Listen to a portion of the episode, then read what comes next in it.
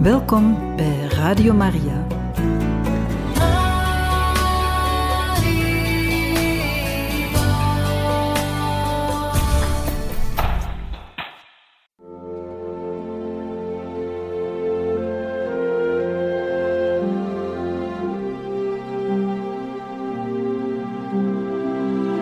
Beste luisteraars van Radio Maria, welkom bij het programma Catechismus. Een overweging bij de geloofschat van de kerk.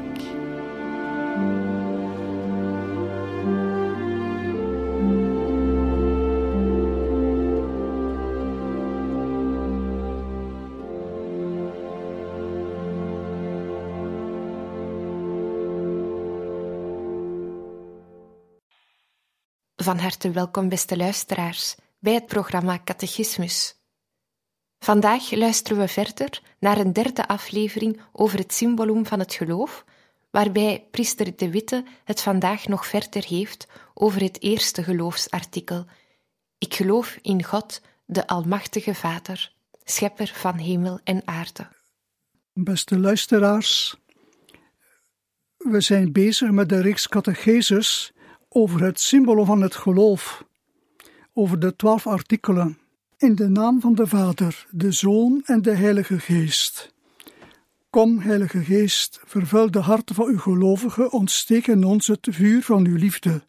Zend uw geest uit en alles zal herschapen worden en gij zult het aanschijn der aarde vernieuwen. Dan nog een woord over. We geloven in God, de Almachtige Vader. De Vader. Is God dan ook geen moeder? Natuurlijk is zij dat. God is zowel vader als moeder. God is volmaakt, maar het beeld van de vader is beter geschikt om van God te spreken dan het beeld van de moeder. Want de vader verwekt het leven, de moeder draagt het in zich. Als wij God moeder zouden noemen, dan riskeren wij pantheïsme. Alles is dan God. God is dan te veel één met zijn schepping. Als we het beeld van de Vader gebruiken, drukken we beter uit dat God zijn schepping oneindig te boven gaat, transcendent is, te boven gaat.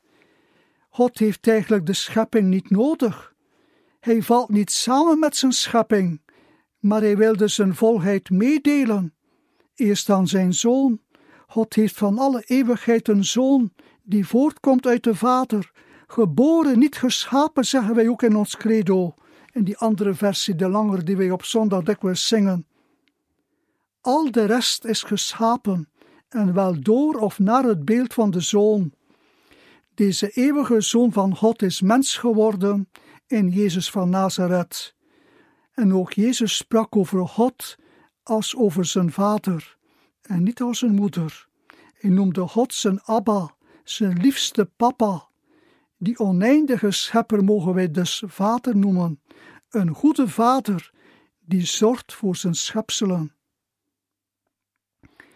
En dan nog een woord over almachtig. We geloven in God, de almachtige Vader, schepper van hemel en aarde. Ja, almachtig. In almachtig zit al het eerste woordje al, al en machtig. Al is een qualifier, een aanduiding dat het om een bijzondere soort van macht gaat. Het is geen almacht van een despoot of van een tiran, maar de macht van een liefhebbende vader. Gods macht is de macht van de liefde, en zulke macht is vaak onmacht. Het is een zin dat zijn vrije kinderen van hem weglopen en het kwaad aanhangen.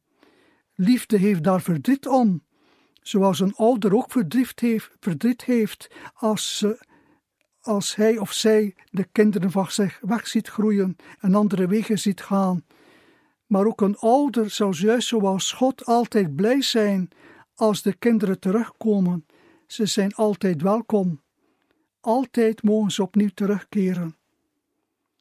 Gods macht en Gods almacht tonen zich het meest, dat zei eigenlijk al de heilige Thomas van Aquino in de dertiende eeuw. Gods almacht toont zich het meest God is meest machtig in zijn vergeving, in zijn barmhartigheid. God lijkt anderzijds ook niet alles op te kunnen lossen. Hij doet niet alles wat wij vragen. Hij lijkt soms niet almachtig. Dat behoort ook tot het mysterie van God en van zijn liefde. En toch mogen wij geloven dat dat eens Gods, mogen wij geloven dat eens Gods liefde almachtig zal zijn en alle kwaad zal overwinnen. Dat dit zal gebeurd in het sterven en verrijzen van Jezus Christus. Daarover gaan we het een volgende keer of de volgende keren hebben. God doet ook wonderen.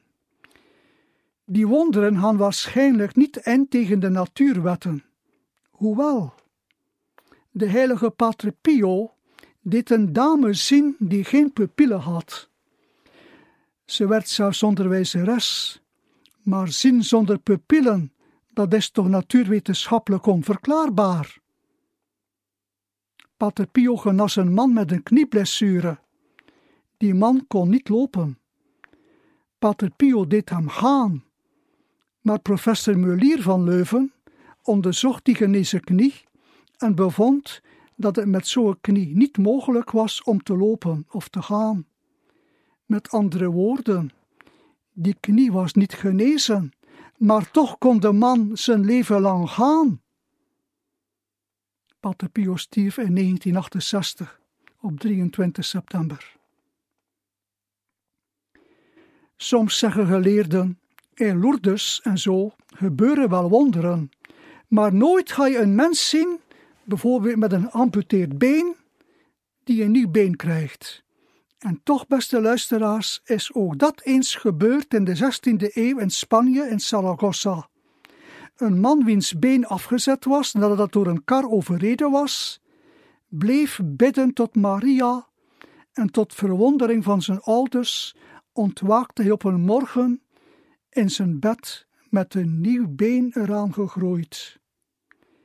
Zelfs de heilige Pater Pio verkreeg van God de genade om een man wiens beide ogen weggerukt waren door een ontploffing van dynamiet. En dat gebeurde bij het effenen van de rotsgrond om de grote kliniek van Pater Pio daar, het, het huis van de verlichting, te bouwen in San Giovanni Rotondo. Dus bij een ontploffing met dynamiet om die rotsen te effenen, was een man, een werkman, beide ogen kwijtgeraakt. En die had Pater Pio gesmeekt, geef mij toch alsjeblieft één oog terug, dat ik toch nog een beetje kan zien. En op een bepaalde morgen had hij opnieuw een oog, hoewel de dokters de dag ervoor nog vastgesteld hadden dat er in die oogholte geen oog meer zat. Voor God is alles mogelijk, maar wij kennen nog niet alle natuurwetten en nog minder Gods macht. We mogen dus gerust beleiden ik geloof in God, de Almachtige Vader, Schepper van hemel en aarde. Over het algemeen laat God de natuurlijke oorzaken werkzaam zijn. Wanneer het echter gebeurtenissen betreft die bepalend zijn voor het geestelijk leven van een menselijk wezen, komt hij tussen beide, opdat ze een bepaalde loop zouden nemen ten gunste van het uiteindelijk welzijn van dat individu en van alle mensen. Ook uit sommige slechte dingen kan God het goede halen. Denk bijvoorbeeld aan Jozef uit het Oude Testament, die door zijn broers verkocht werd naar Egypte. Maar daar in Egypte werd Jozef onderkoning en kon in tijden van hongersnood zijn broers en zijn vader redden van de hongerdood. Deo et tout puissant, très bon Seigneur.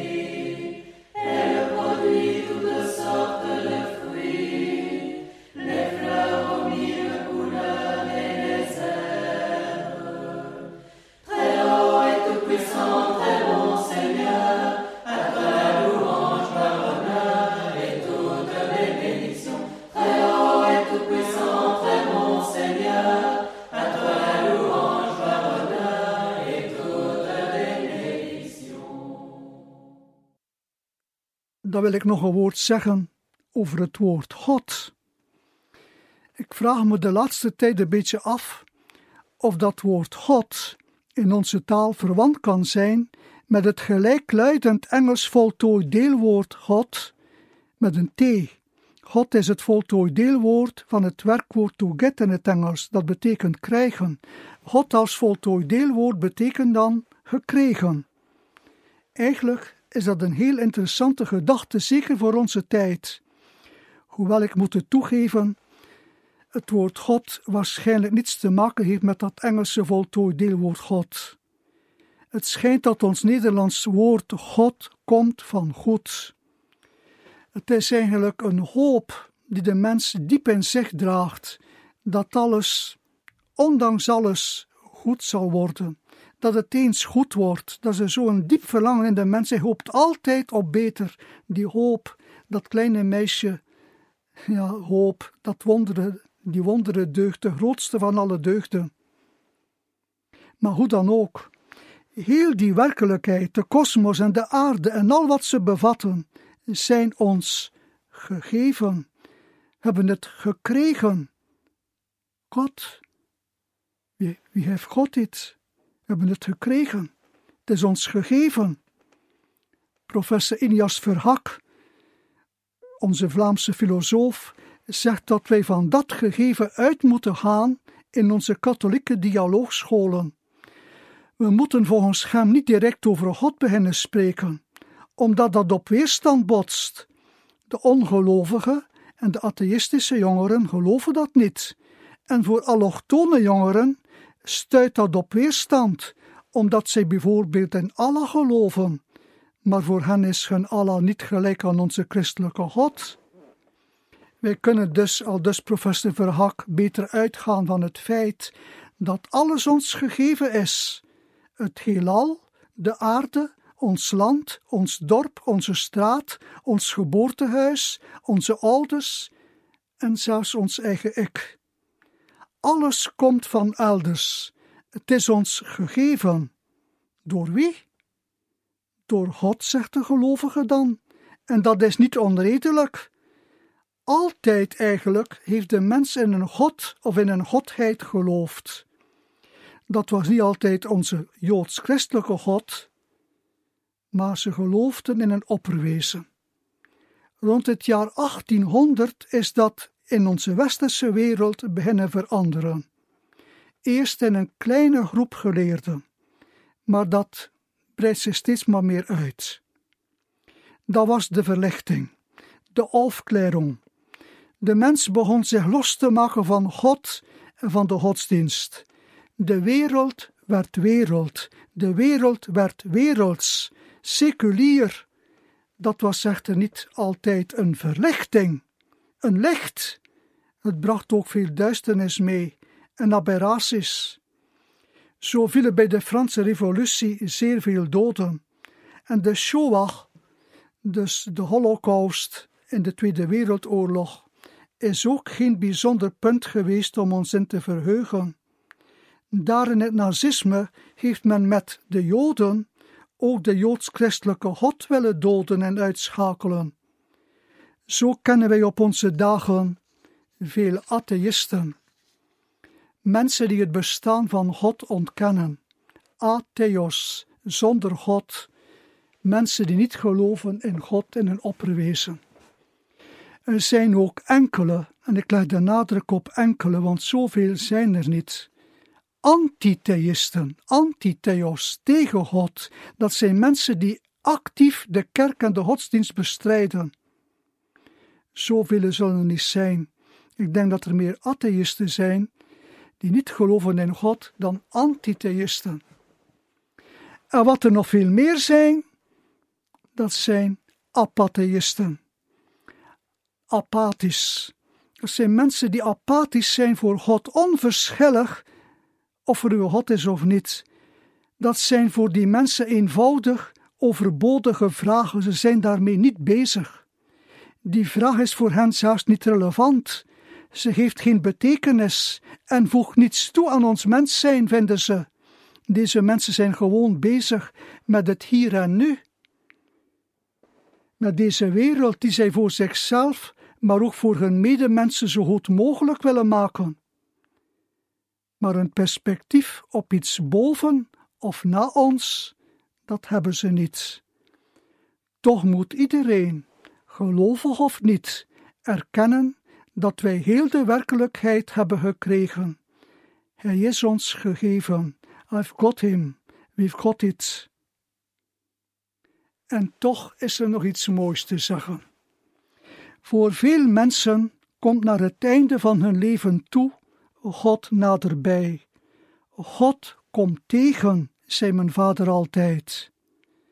Zo denk ik aan onze vroegere weerman Armand Pin. Hij noemde zichzelf ongelovig, maar op het einde van zijn leven zei hij: Ja, er moet toch meer zijn dan wat ik altijd had gedacht in het heelal en in de natuur. En de Franse filosoof Jean-Paul Sartre, die een zeer ongelukkige jeugd had gekend en die ervan uitging dat God niet kon bestaan, omdat God alles ziet en dat kan een mens niet verdragen, zei hij. God is dan als iemand die je door het sleutelgat begluurt in je slaapkamer. Dat kon Sartre niet verdragen. Zo'n God, dat, dat kon eenvoudig niet. En heel zijn leven, het leven van een mens vond Sartre, is dan ook een walging, een ozee. Want je bent er gewoon te veel. Je suis en trop, zei hij. Ik ben er te veel. En zelfs als ik zelfmoord zou plegen, dan zou mijn dode lichaam, dat daar ligt op de grond, er te veel zijn. Gewoon te veel. Eigenlijk een triestige filosofie Vind je dat ook niet? Maar op het einde van zijn leven, op zijn ziekbed, zei hij tot zijn levensgezellin Simone de Beauvoir: Simon, ik heb me vergist. Hij is er toch. God is er toch. Jean-Paul Sartre stierf op 15 april 1980. En eigenlijk, beste luisteraars, zijn er waarschijnlijk niet zoveel mensen die niet in iets geloven. Ik schrijf regelmatig mijn woordje dat ik houd voor de zusters hier in de kapel tijdens de mis. Ik zet mijn woordje of mijn preekje als je wil. Ik zet dat op dagelijks Bijbelcitaat op de blog van dagelijks Bijbelcitaat dat je kunt, kunt intikken op de computer op Google, dagelijks Bijbelcitaat. Daar vind je ja, de lezingen van, van de mis van de dag, met ook de heilige die gevierd wordt.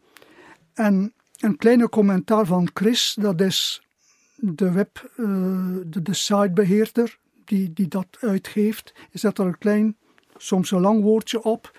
Altijd mooi eigenlijk maar je mag erop reageren. En we hebben elkaar een keer ontmoet en sinds enkele jaren zet ik daar ook mijn woordje op. Een tijdje geleden, nog niet zo lang geleden, een paar weken nog maar, was er daar een mevrouw die daar ook een reactie op gaf. Niet op mij, maar gewoon omdat het bij de lezingen paste. Het was waarschijnlijk de lezing in het huis van mijn vader is ruimte voor velen. Zou ik het u zou dat niet zo zijn, dan zou je het u hebben gezegd. Die mevrouw schreef, ja, ben een beetje overal geweest al in de wereld. En dan denk je soms dat er mensen zijn die niet geloven, maar je moet dat niet zozeer denken, zegt ze. Ook in ons Westen niet. Enkele jaren geleden, zegt ze, kocht ik mijn huis. En de eigenaar die dat verkocht, was eigenlijk een ongelovige. Hij noemde zich atheïst. En wij waren bezig met ja, de verkoopakte op te stellen, met de notaris en zo. En de papieren in orde te maken voor de verkoop. Maar er ontbrak een belangrijk document dat de eigenaar maar niet vond.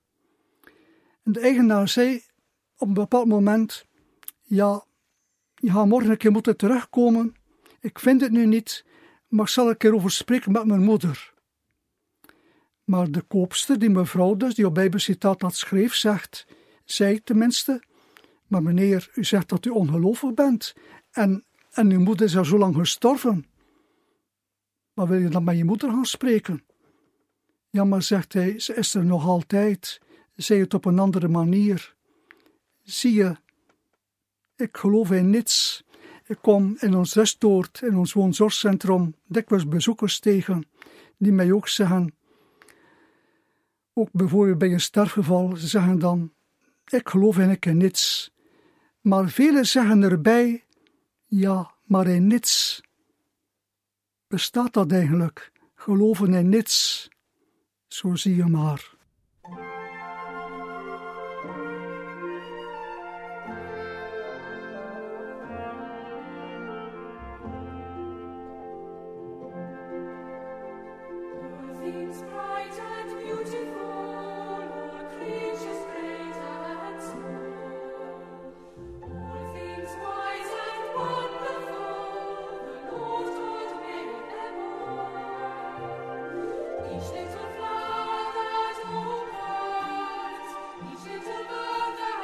Bye.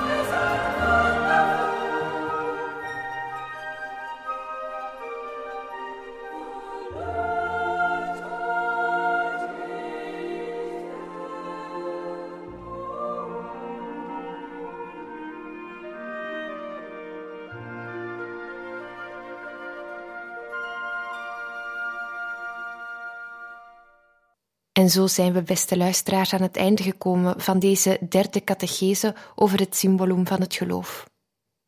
In de volgende catechese zal priester Daniel de Witte het hebben over het tweede geloofsartikel.